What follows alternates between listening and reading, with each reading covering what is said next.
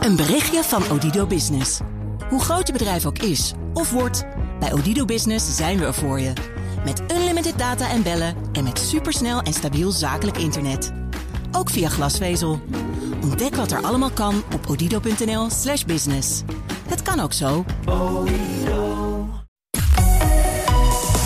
BNR Nieuwsradio. The Big Five. Diana Matroos. Welkom bij BNR's Big Five. Deze week ga ik in gesprek met vijf raadgevers die hun visie gaan geven waar onze leiders van nu echt mee aan de slag moeten om Nederland uit de crisis te krijgen. Als het om corona gaat, horen we natuurlijk nu steeds vallen die noodwet, tal van maatregelen. Maar een crisis als deze los je daar op de langere termijn niet mee op. Om de fundamentele problemen die nu zichtbaar zijn geworden op te lossen, is echt meer nodig dan crisismanagement. Gisteren sprak ik daarover met het hoofd van de polder, SER-voorzitter Mariette Hamer. En zij pleit voor meer solidariteit. Het gesprek is terug te luisteren, zoals altijd, via onze BNR-app. En vandaag weer een bijzondere gast die op een on-Engelse manier als ziekenhuisdirecteur zelf op de IC ging staan als arts. En tegelijkertijd 17 Britse ziekenhuizen door de coronacrisis coördineerde. Hij is een echte kenner van de zorgsector en deed in deze coronacrisis nieuwe inzichten op. CEO van University College London Hospitals, voorheen bestuursvoorzitter van het AMC, Marcel Levy welkom. Goedemorgen. Ontzettend fijn dat je er bent. We hebben afgesproken elkaar te tutoyeren, want daar stel je prijs op. En ik heb natuurlijk heel veel over je gelezen. En we kennen je ook al uh, nou ja, van alle bijzondere dingen die je in het verleden hebt gedaan. En ik denk dan steeds: wat een onwerkelijk verhaal. Hoe krijg je dit voor elkaar dat je en uren aan die IC-bedden staat en al die ziekenhuizen hebt gecoördineerd? Wat is die drive? Ja, het is wat ik doe. Um, uh, ik, ik, ben een dokter van huis uit. Ik uh, ben ook altijd wel actief in, in de wetenschap en, en de laatste jaren dan ook in ziekenhuismanagement. En ik probeer dat allemaal te combineren. En ik vind ook dat die dingen elkaar enorm versterken. Dus ja, ik ben gewend. Um, en ja, je doet wat je doet. Ja, en dat is, dat is de bescheidenheid zoals we jou ook kennen. Hè. Je hebt eerder aan een onbekende een nier gedoneerd, omdat je dacht: dit is gewoon goed om te doen. En daar heb je het zelf nooit over, daar hebben anderen het over. Als je kijkt naar deze hele coronaperiode, is er dan een moment geweest dat je dacht: ik moet nog meer geven dan ik altijd al doe? Oh, absoluut. Ik, ik ben wel gewend om hard te werken en veel uren te maken, net als veel anderen in, in de gezondheidszorg.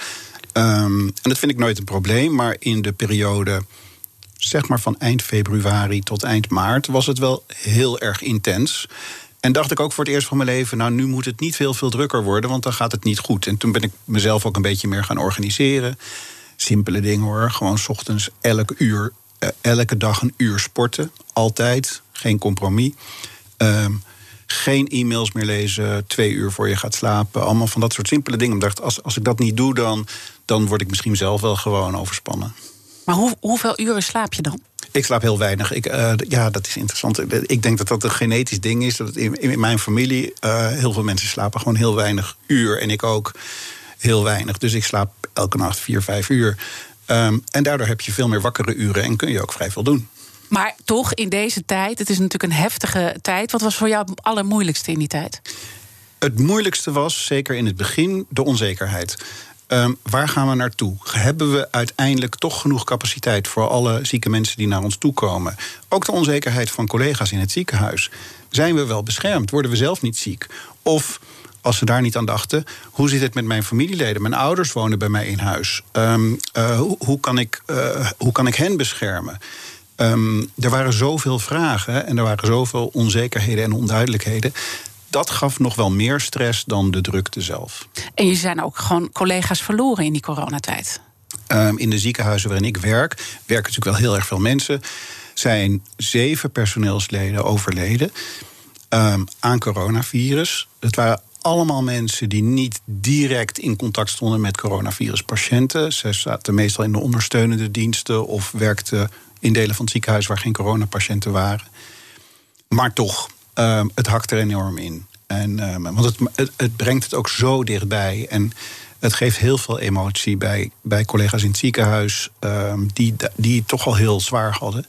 Dus dat gaf ook nog wel een extra, een, ja, een, een extra intensiteit aan deze. Ja, voel je het ook weer nu je het vertelt? Want dat gevoel heb ik. Ja, Ja, ja, ja. Het is, sommige dingen vergeet je. Er gebeurt zoveel dat ik soms uh, uh, lees ik een e-mail terug... Of, of dan heb ik het met een collega over iets. Denk, oh ja, verraard. Dat was, dat was dat weekend in maart, weet je nog. Um, maar um, ja, de, de, de intensiteit van de emotie komt af en toe nog wel terug ik ben nu net terug van vakantie. Ik heb twee weken vakantie gehad en um, dat helpt enorm. Kan ik echt iedereen aanraden. Dus de accu is weer helemaal opgeladen. Um, maar ja, die emotie neemt soms wat langer de tijd om, uh, om te slijten. Om, om een plek te vinden. En dat, dat kunnen we ook ons uh, heel goed voorstellen. En dan zit ik van. Uiteindelijk ben jij dan toch die ziekenhuisdirecteur. Je hebt daarnaast ook die opschaling gedaan van een aantal ziekenhuizen. En al die mensen. En dan sta je ook aan die bedden. Hoe, hoe manage je dat met al die mensen? Of misschien is managen het verkeerde woord. Maar hoe neem je al je mensen daarin mee als leider? Ja, dat, dat, nee, je slaat de spijker op de kop. Dat was eigenlijk de, het, het, belangrijkste ding. Al die dingen die gedaan moesten worden, die doe je gewoon. En bovendien, dat doe je niet alleen, dat doe je met een heleboel andere mensen. En ik werk gelukkig met, met uitstekende, uitstekende mensen samen. Maar zeker in Engeland, maar ik denk dat in Nederland was het ook wel een beetje zo. Toch kijkt iedereen wel een beetje naar de baas, naar de directeur. En wat vindt hij ervan en hoe doet hij het? En wat, en, en wat gaat hij voor ons regelen? En hoe gaat hij ons beschermen? En um, dat gaf extra druk. Dus enorm veel tijd geïnvesteerd in communicatie. We hadden vrijwel elke dag wel ergens een medewerkersbijeenkomst. En het is ook interessant, daar heb ik ook weer zoveel van geleerd.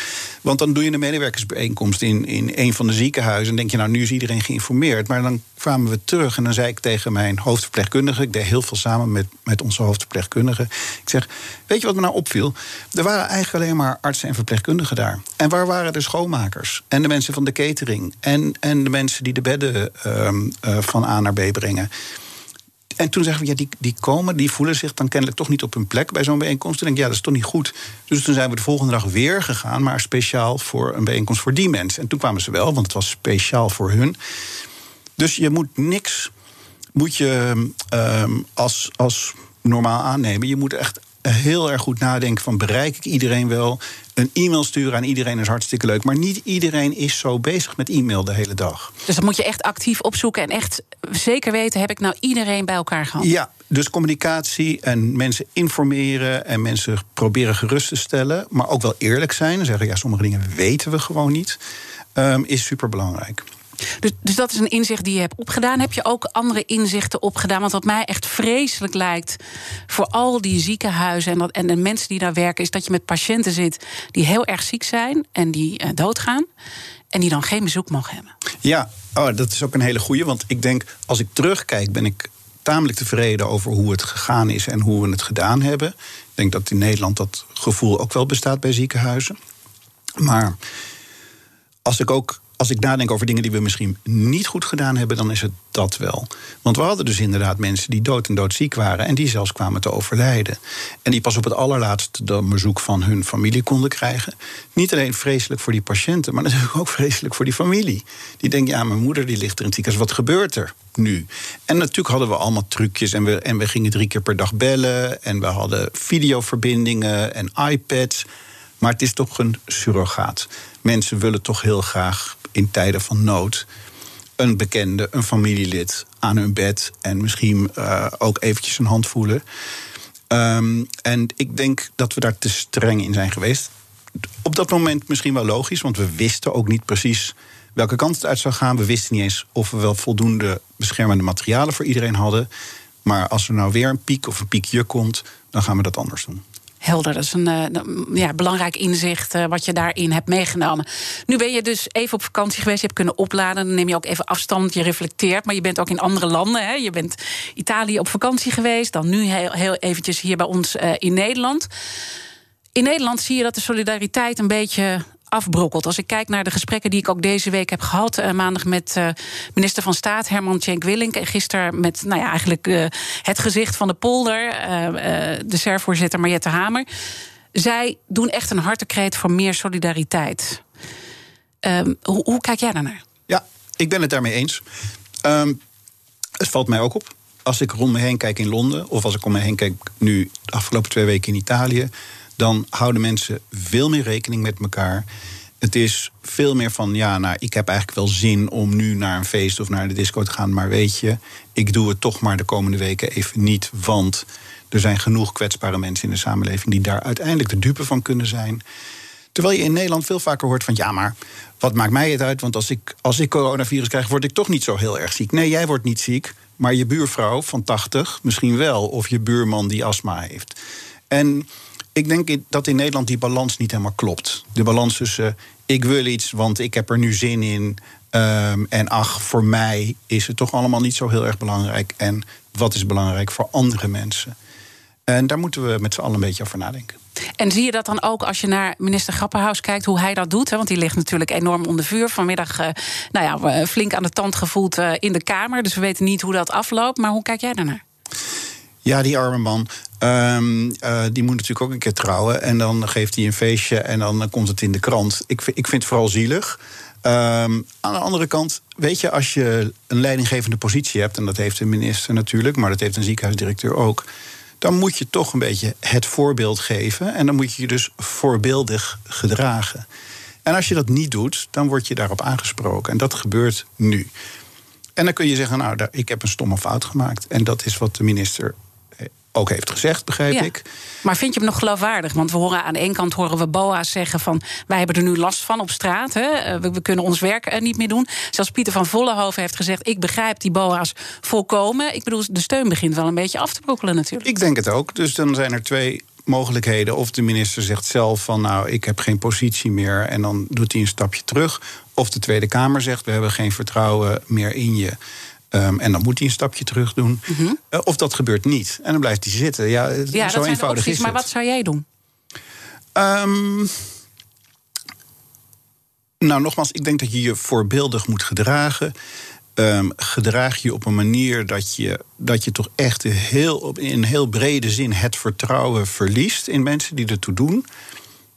Nou, dan zou ik even heel erg hard gaan nadenken of ik niet inderdaad um, uh, plaats moest maken voor een ander. Dus toch de eer aan jezelf houden. Ja, dat is de eer aan jezelf houden. En, en, en eh, nogmaals, eh, dat betekent helemaal niet dat, dat meneer Grapperhaus geen, geen prima minister is of geen goede man is. Maar hij heeft gewoon een fout gemaakt. Dat kunnen we allemaal doen. En sommige fouten hebben consequenties. The Big Five. Diana Matroos. Fijn dat je luistert naar BNR's Big Five. Deze week praat ik met vijf kopstukken die onze leiders in tijden van crisis raad kunnen geven. En mijn gast vandaag is de CEO van University College London Hospitals en ook expert als het gaat om zorgvraagstukken, Marcel Levy. Uh, deze uitzendingen gebruiken we ook om, uh, nou ja, wat zijn nou de lessons learned en wat is er nu meer naar boven gekomen? De inzichten en hoe lossen we die nu op? We stipte al eventjes solidariteit aan van hoe gaan we op straat eh, met elkaar om. Is uh, in het ziekenhuisleven uh, uh, daarin ook iets naar boven gekomen van je zegt: dit is echt cruciaal dat we daar meer aandacht aan gaan besteden? Ja, een heleboel dingen. Ik zal er eentje uitpikken. Um, en dat is in Engeland een heel groot item. Um, um, en dat is dat in Engeland al heel snel men erachter kwam dat er veel meer donkergekleurde mensen dan blanke mensen ziek werden. En in het ziekenhuis en op de intensive care terechtkwamen.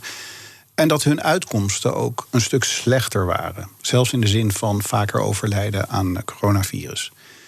En um, daar kun je allemaal verklaringen voor verzinnen. Um, um, en dat heeft te maken met dat uh, mensen die niet blank zijn, vaak uh, ook sociaal-economisch minder goed af zijn. Daardoor, maar niet alleen daardoor, ongezonder zijn. Dus kunnen ook eventueel genetische achtergronden zijn. Maar het is in ieder geval het is een feit. En toen ging ik aan mijn Nederlandse collega's vragen. Ik zei, goh, hoe, hoe is dat nou in Nederland? En toen kreeg ik het antwoord, ja, dat weten wij niet. Ik zei, hoezo weet je dat niet? Ja, wij mogen niet bijhouden in Nederland wat iemands achtergrond is. Is zelfs wettelijk verboden.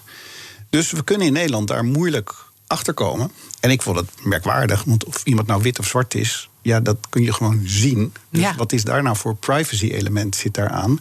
Maar het mag niet worden geregistreerd. Daar is Nederland tamelijk uniek in, in, in Europa en in de wereld. Dus we weten het eigenlijk niet. En daarom hebben we het er ook helemaal niet over. Of nauwelijks niet. Er wordt een heel klein beetje onderzoek naar gedaan.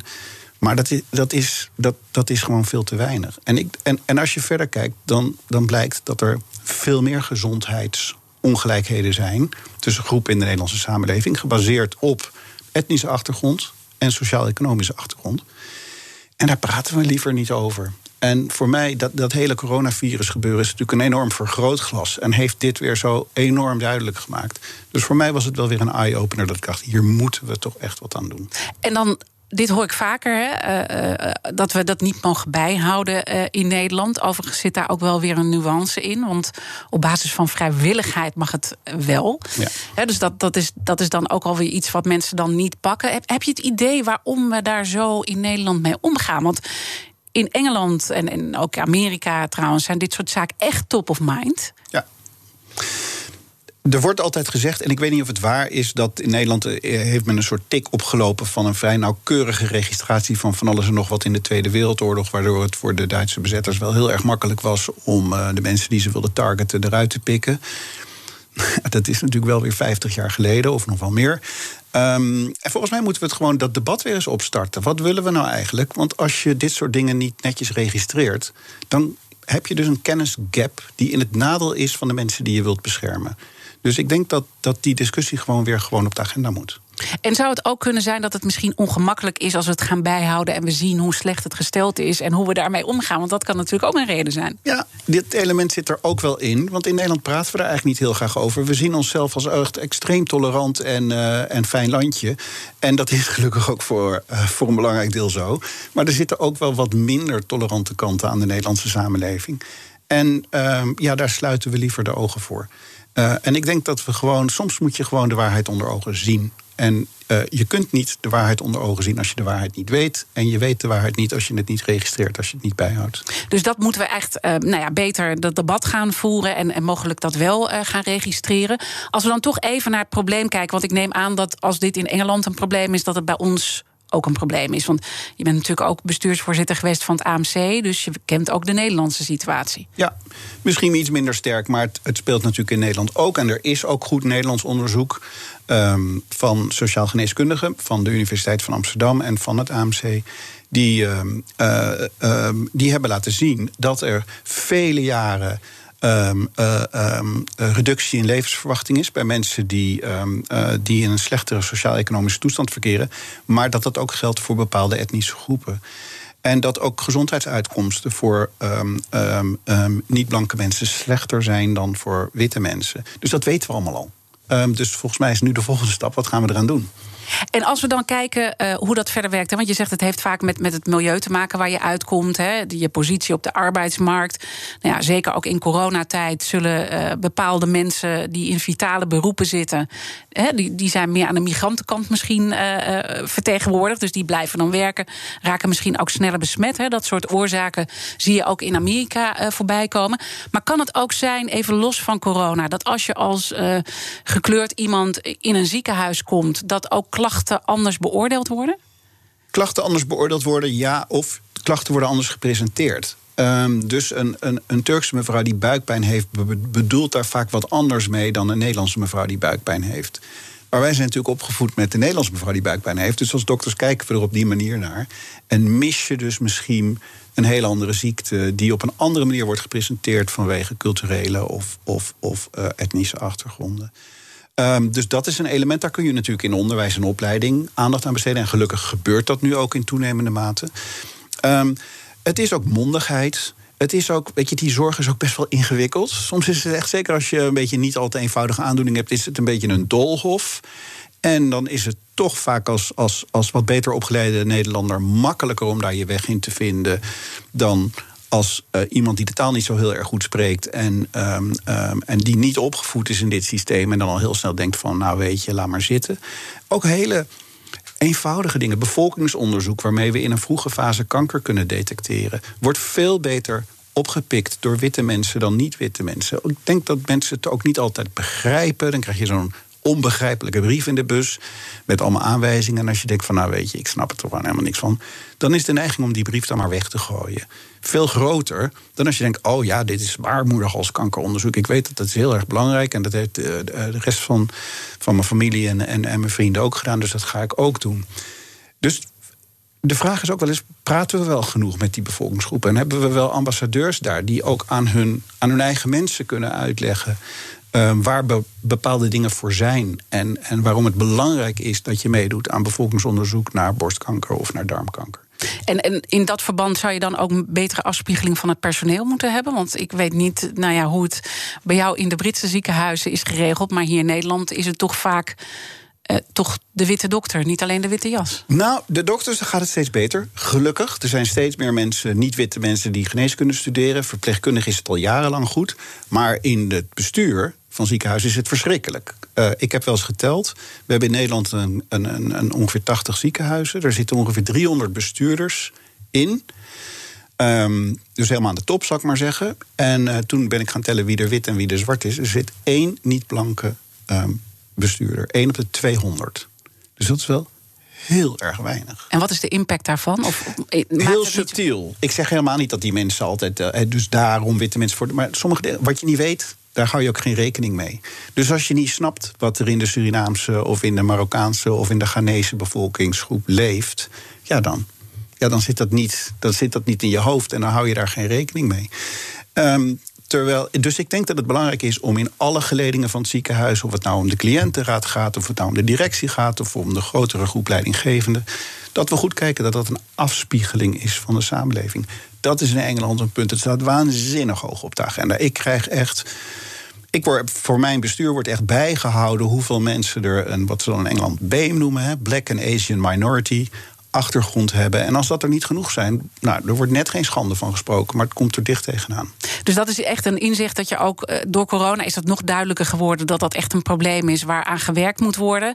En, en ga je daar dan nog andere acties op ondernemen? Ik denk dat je heel veel acties op kan ondernemen. Want het is het, het, nou, de dialoog is heel erg belangrijk.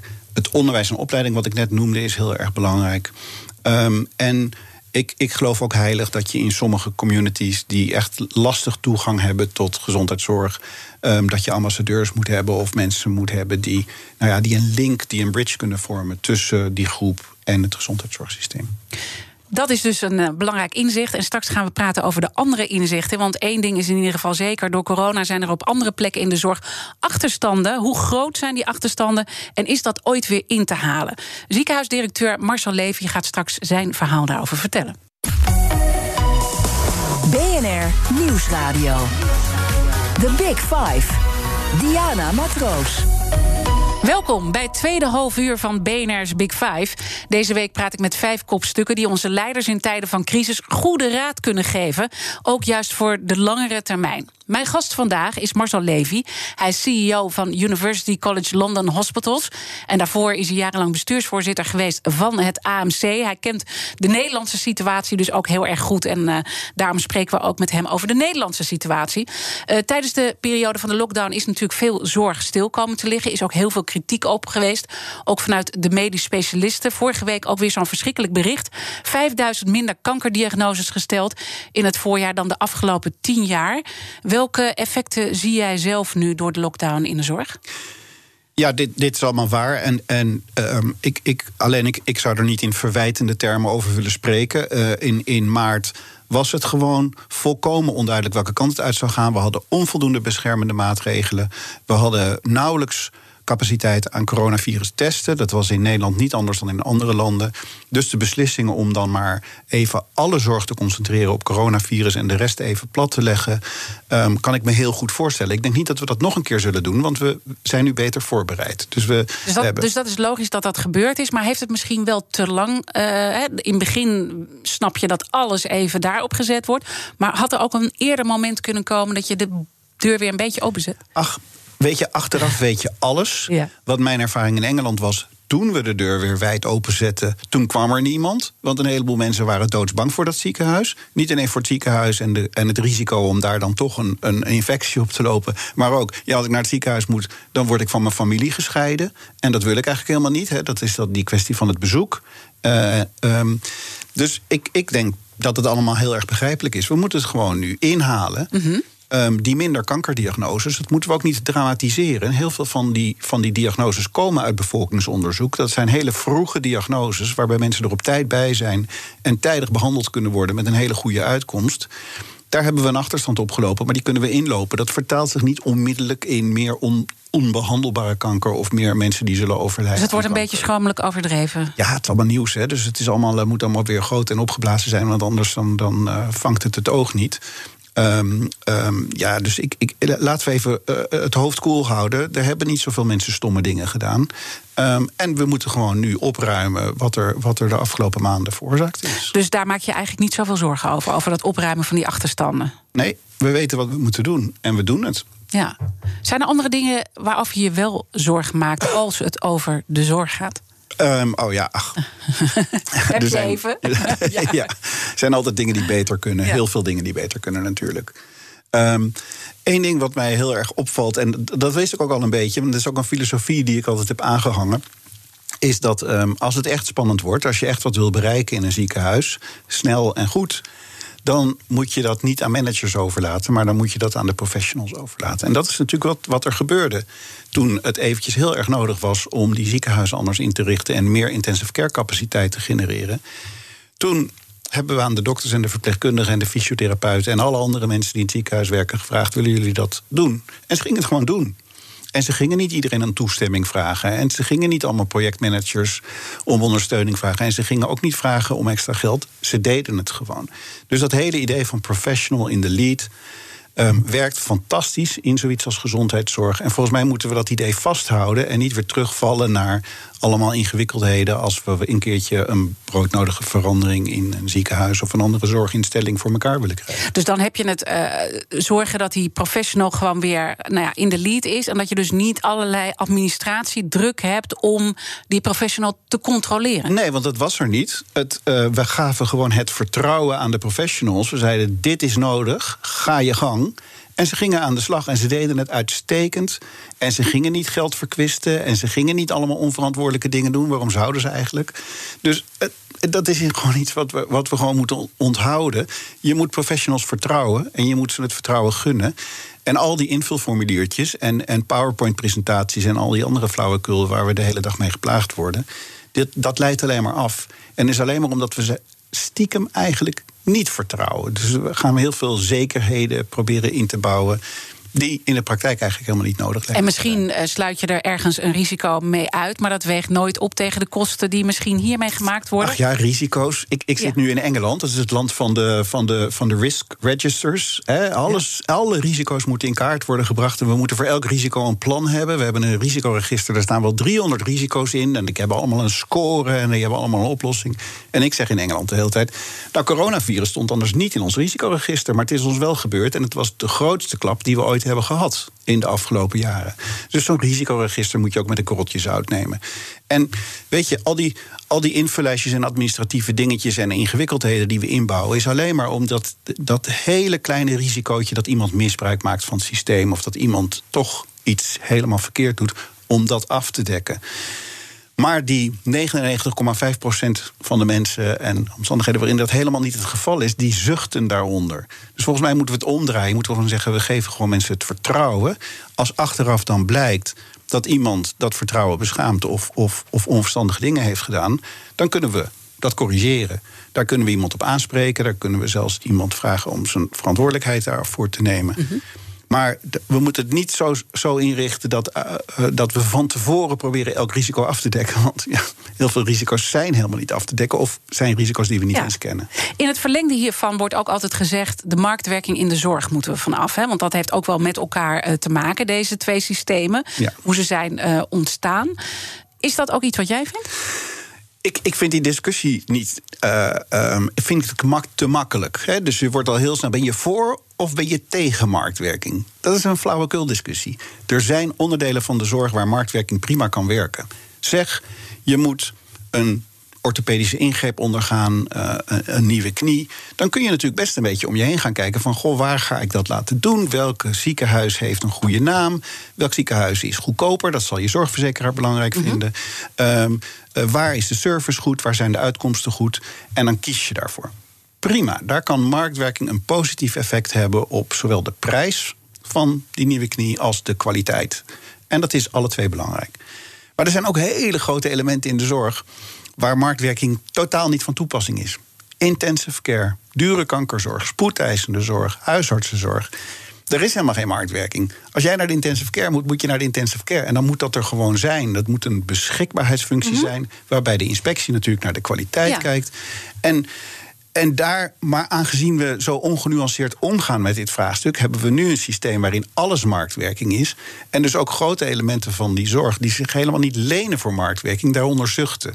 Dus volgens mij moeten we daar veel genuanceerder naar kijken. Maar dan zit ik toch te, te denken, hoe kan je nou zo'n systeem hervormen? Hè? Want we kijken ook op de langere termijn van wat moet er nou structureel uh, veranderd worden. En je zegt, hè, die knieoperaties is wel goed om daar uh, met marktwerking naar te kijken. Maar het hele probleem van die knieoperaties is dat bepaalde specialistische ziekenhuizen daar dus heel goed in worden. Ik noem maar eventjes uh, de Bergman Clinics. Die heeft zo'n nou ja, aspect gevonden. En, en daar kunnen ze dan ook heel efficiënt in werken en heel veel geld verdienen. En alle ellendige uh, behandelingen, die niet makkelijk zijn, die gaan door het putje bij de ziekenhuizen. Ja, nou, maar ik, ik ben het helemaal met je eens, behalve met het woord putje. Het is helemaal geen putje. Het, uh, nee, sorry, sorry, moeilijke moeilijke patiënten zijn juist, zijn juist spannend en interessant. En er zijn heel veel mensen die dat juist heel belangrijk vinden. Dus daar moet je misschien ook een ander tarief voor verzinnen dan. Omdat die patiënten ingewikkelder zijn, meer zorg nodig hebben, meer medicijnen nodig hebben. En dat die Bergman met die specialistische zorg dan iets minder gaat Die verdienen. kunnen juist ietsje goedkoper. Ja. Want die hebben dat uh, heel erg efficiënt en, um, en, en, en, en, en op een hele slimme manier um, doen ze dat. En ook met goede uitkomsten. Dus ik ben daar helemaal niet tegen. Maar dus je. En, en, en je, hoeft, je hebt ook helemaal geen ander zorgsysteem nodig om dat te bereiken. Alle, alle instrumenten, zelfs wettelijke instrumenten om dit voor elkaar te krijgen, die zijn er gewoon al. Alleen die zijn de afgelopen jaren niet gebruikt. Omdat de politici die aan het roer stonden bij VWS erg op de marktwerking waren. Um, terwijl ze ook een heleboel van die elementen al lang eruit hadden kunnen tillen. En hadden kunnen zeggen: Nou, dit leent zich niet zo heel erg mm -hmm. voor marktwerking. Hier gaan we toch iets meer planmatigen. Dit gaan we gewoon maar op drie, vier plaatsen in Nederland doen. En, uh, dat, en die plaatsen zijn A, B, C en D. Ja. Ik wil je eventjes uh, iets laten horen van een jaar geleden. Want toen was je bij mijn collega Roelof Hemmer... die toen uh, dit programma presenteerde... Uh, te gast bij BNR's Big Five. En toen zei je dit. Als ik nou morgen zou worden gevraagd... wil je minister van Volksgezondheid zijn... denk ik dat ik ja zou zeggen. dus dat, dit is een heel fout antwoord natuurlijk. En dat zal me nog weken, zo niet maanden of jaren worden nagedragen. Is dat zo? Is dat gebeurd? Is het je jaren nagedragen? Ja, ja, ja, ja. Want dit vinden mensen zo interessant. Weet je, maar... Um, ja, ik vind als iemand je een vraag stelt, dan moet je een eerlijk antwoord geven. Ja. En je kan er wel eindeloos omheen draaien. Um, dus dat was, dat was ja. het eerlijke antwoord. Maar als je dan nu naar Hugo de Jonge kijkt, en uh, nou ja, hiervoor natuurlijk Bruins, die opeens van het toneel uh, is verdwenen. Uh, stel dat je daar had gestaan. Ja, uh, ja, geen idee wat er dan was gebeurd, nee. eerlijk gezegd. Nee, maar had, had, je het nog een, had je het nog steeds een, een mooie uitdaging gevonden om het te doen, wetende waar je dan nu in terecht was gekomen? Nou, weet je, mijn motivatie is heel eenvoudig. Als je, ik, heb, ik heb best wel een mening over van alles en nog wat. Uh, op basis van ervaring en op basis van, van dingen die ik lees of, of waar ik over na heb gedacht. Als je dan alles altijd zo goed weet, dan moet je ook af en toe wel je verantwoordelijkheid nemen en zeggen: oké, okay, dan, dan, ga ik, dan, dan ga ik het ook een keertje ja. echt doen. Um, maar er zijn een heleboel andere hele mooie banen die je ook kunt doen uh, nou ja. in Nederland. En waar je ook heel veel kunt bereiken. Ik zit nu even natuurlijk naar die verkiezingen te kijken. Die zijn redelijk aanstaande, 2021. Zou je het nog steeds willen? Het is een tombola. Um, weet je, het moet maar net zo zijn dat, dat uh, de partij waar jij voor staat, dat die in de regering komt. En het moet maar net zo zijn dat die partij dan ook die minister levert. En het moet ook dan maar net zo zijn dat ze dan in jou geïnteresseerd zijn. Dus daar kun je gewoon niet op plannen. Lijkt nee, mij onmogelijk. Nee, je kunt niet op plannen, maar je kan wel iets ambiëren. En toen wilde je het. En de vraag is, wil je het nog steeds? Uh, als ik, nou, ik ga weer een eerlijk antwoord geven. Uh, uh, als ik, als ik over een half jaar gebeld zou worden door iemand die zei van... goh, lijkt het je wat? Dan is de kans heel groot dat ik ja zeg. En wat zou je dan meteen aanpakken? Ha. oh, een heleboel dingen. Um, ik denk dat ik, dat ik toch nou, laat ik iets anders. Nou, de, de, lijst is lang hoor. Um, maar er zijn. Ik zou. Dat professional elite idee wat ik net noemde, zou ik aanpakken. Ik zou zeker kijken naar een meer genuanceerde kijk op marktwerking. Ik zou kijken naar hoe we de positie van uh, gezondheidsmedewerkers kunnen verstevigen. Want daar hebben we een zwak plekje. En tot slot zou ik um, echt een veel veel grotere vuist maken tegen die belachelijke prijzen van een aantal medicijnen en de, de woekerwinsten die daar worden gemaakt over de rug van, van kwetsbare patiënten. Een heel lijstje dus. We gaan straks uh, een van die zaken er nog uh, uitpikken. BNR Nieuwsradio. The Big Five. Diana Matroos. Je luistert naar BNR's Big Five van de crisisraadgevers. Mijn gast is Marcel Levy, CEO van University College London Hospitals... en voorheen bestuursvoorzitter van het AMC jarenlang geweest. Uh, je, wil nog steeds minister worden, gaf je aan. Je gaf ook die hele lijst wat je dan uh, zou doen. Uh, we hoorden net nou ja, dat er veel gesproken wordt... ook weer over de maatregelen en de regionale aanpak. En minister Hugo de Jonge die daar van alles over moet communiceren. Vind je dat hij het goed doet? Um, ik kijk natuurlijk van een afstandje. Ik denk dat hij een waanzinnige ehm, moeilijke baan heeft. En ik vind dat hij het in grote lijnen best goed doet. En af en toe dan maakt hij ook wel eens een uitglijdertje. Of wat waarvan ik dan denk dat het een uitglijdertje is of niet zo verstandig is. Maar daar zal, zullen andere mensen weer anders over denken. Wat vind jij ehm, een uitglijdertje dan? Uh, ik heb me nogal uitgesproken voor het feit dat die malle zorgbonus. Um, um, uh, niet dat die er is, maar meer de manier waarop dat dan gedaan is. Van oké, de zorgmedewerkers krijgen een bonus, maar niet iedereen, maar maar een paar. En uh, ja, wie dan? Ja, dat moeten de ziekenhuizen dan zelf maar uitzoeken. En, en een aantal mensen werd op voorhand al uitgesloten van die bonus. En waarvan ik dacht van ja, of, of hè, weet je, eh, ben je, een keertje, ben je een keertje genereus? En dan begin je al gelijk te zeggen wie je hem allemaal niet krijgt. Um, lijkt me niet handig.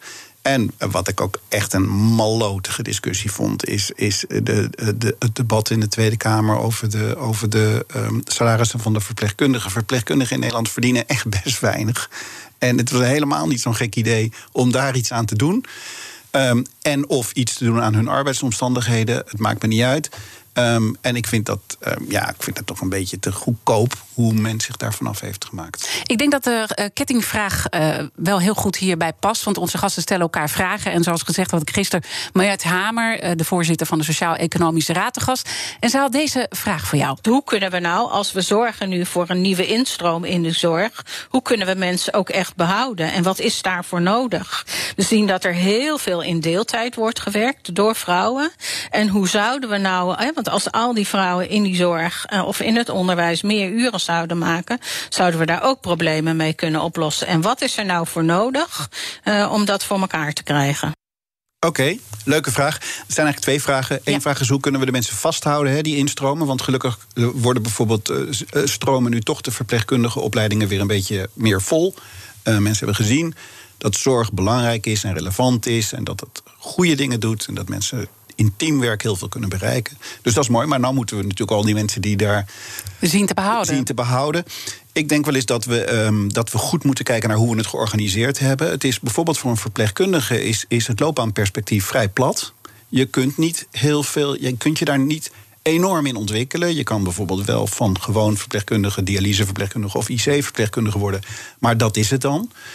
En waarom proberen we daar niet toch wat meer relief in aan te brengen? Zodat mensen zich kunnen blijven ontwikkelen, zodat het spannend voor ze blijft, ze toch telkens nieuwe dingen gaan doen.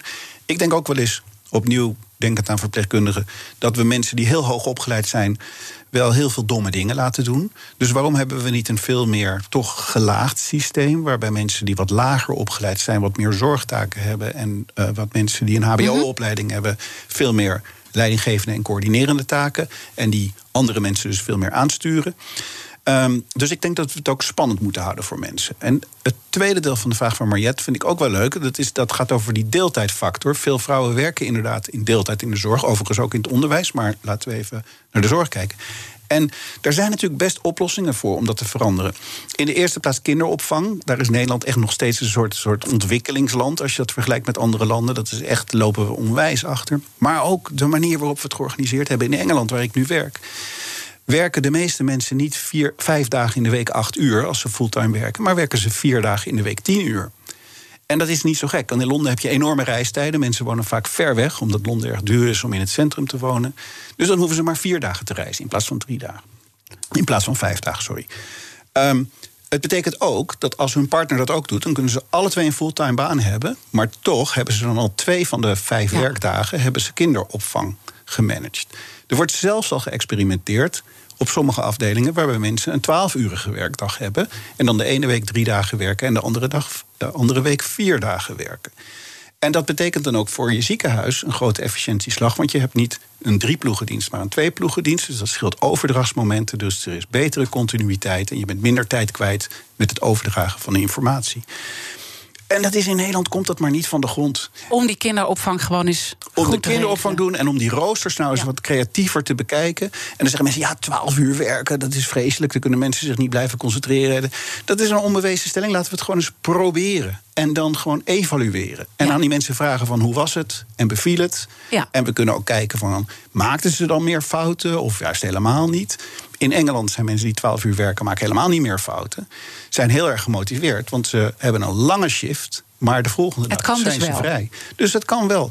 En daarmee kunnen we het natuurlijk veel aantrekkelijker maken voor mensen. Maar we zeggen, ja, het mag niet van Europa... en het mag niet van de vakbond... en het mag niet van die en het mag niet van die. Dat is, ik denk wel eens van, weet je, waarom doen we het niet gewoon? Ja. En dan we kijken zeggen we misschien heel veel wat mag er niet in plaats van wat kan er wel. Precies. En eh, dat zou jij in ieder geval aanpakken als je eh, eh, op die plek zou zitten.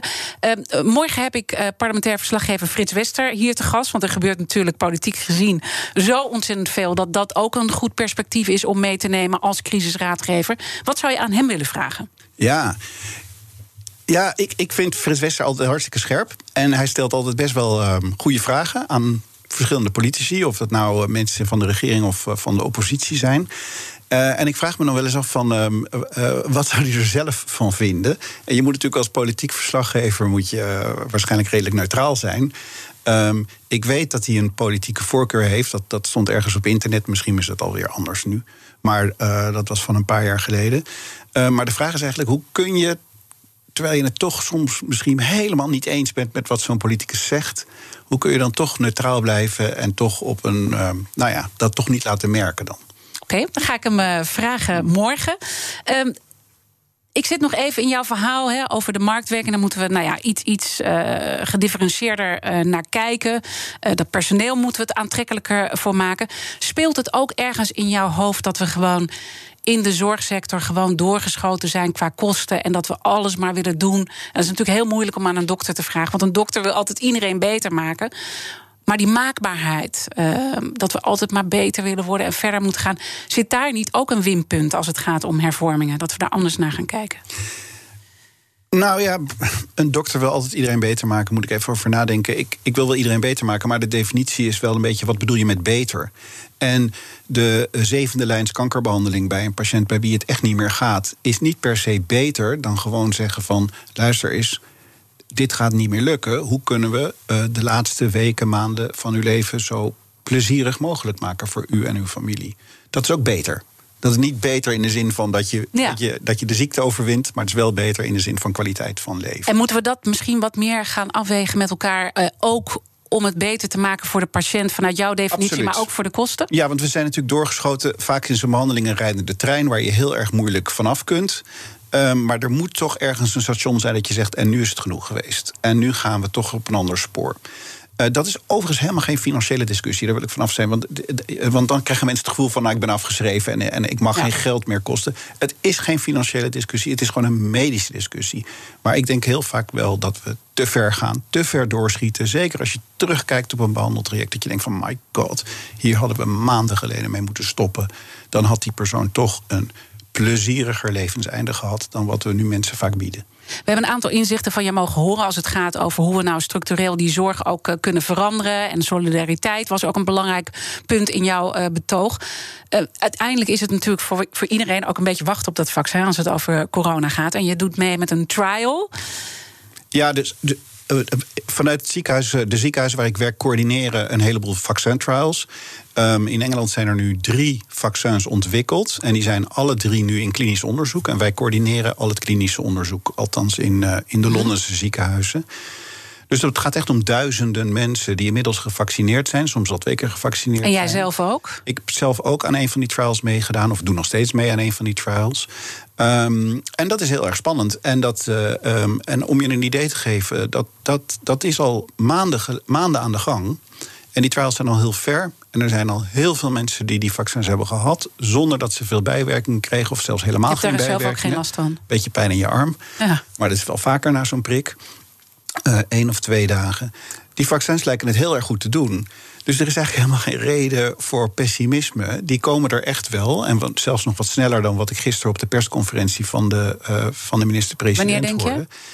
ik denk dat als ik zie hoe snel dat onderzoek gaat, dat we de komende 1, 2 maanden wel definitieve resultaten zullen zien. En dat dan uh, in de tussentijd overigens zijn de, uh, de, de universiteiten die dat ontwikkelen, met name Imperial, Oxford en UCL, waar ik dan werk. Uh, die hebben al deals met farmaceuten, dus die mm -hmm. zijn al aan het produceren geslagen. Dus het is niet van, oh, eerst moeten we het hebben en dan moet de productie op gang komen. Dat gebeurt al. Nederland heeft met een aantal andere Europese landen al grote bestellingen gedaan. Dus heeft ook al een claim op een heel flink aantal van die vaccinaties. Dus de redding is eigenlijk nabij? Dat, is dat... helemaal niet zo ver weg. Dus ik snap het pessimisme van al die mensen ook niet. En he, bijvoorbeeld, zo'n zo'n vaccin genereert antistoffen, dat kan je meten. En dat gebeurt ook. Dat zie je ook dat dat gebeurt. Dus dat ziet er gewoon goed uit. En die beschermen tegen ernstige ziekten. Dan zeggen mensen, ja, maar die antistoffen kunnen dan weer weggaan. Zeggen virologen, hè? niet de minste. Ja, zeggen virologen. En dan denk ik wel eens, mensen, antistoffen gaan altijd een beetje weg. En als je kijkt naar die publicatie waarin dat dan beschreven is... en je kijkt naar wat er nou echt staat... Nou moet ik heel even college geven. Je hebt twee soorten antistoffen, IgM-antistoffen en IgG-antistoffen. IgM kwam het eerste omhoog. En die gaan inderdaad na een tijdje weg. En in de tussentijd is IgG omhoog gegaan en die blijven wat langer. En bij coronavirus is dat precies hetzelfde als met elk ander virus of elke andere bacterie waar een vaccin tegen is. Dus al dat pessimisme, en zelfs al gaan die antistoffen weg, dan heb je nog zoiets als een immunologisch geheugen. Dat als je dan toch weer in aanraking zou komen met een coronavirus, dan maak je als de wiede weer gaat, want je hebt dat geheugen nog, opnieuw je antistoffen aan. En misschien dat je dan wel een beetje ziek wordt, maar niet zo heel erg. En zeker niet op de IC belandt. Dus ik snap al dat, dat, dat negatieve denken niet. Nee. Nee, uh, er is veel meer voor. reden om, om juist optimistisch te zijn en te denken: Nou, weet je, over een half jaar zijn we hier echt wel voor het grootste deel vanaf. Ik hoop uh, dat we dat uh, nou ja, kunnen omarmen, want het zou heel veel problemen oplossen. Ik wil je in ieder geval ontzettend bedanken voor jouw inzichten dit afgelopen uur. Dank Marcel Levy. En natuurlijk zijn alle afleveringen af, uh, terug te luisteren. Je vindt de podcast in de BNR-app en op bnr.nl. Zoek dan naar BNR's Big Five. Maar natuurlijk eerst Jurgen Rijman met Ask Me Anything. En intussen wens ik iedereen een hele mooie dag. Een berichtje van Odido Business. Hoe groot je bedrijf ook is of wordt, bij Odido Business zijn we er voor je. Met unlimited data en bellen en met supersnel en stabiel zakelijk internet. Ook via glasvezel. Ontdek wat er allemaal kan op odido.nl/slash business. Het kan ook zo.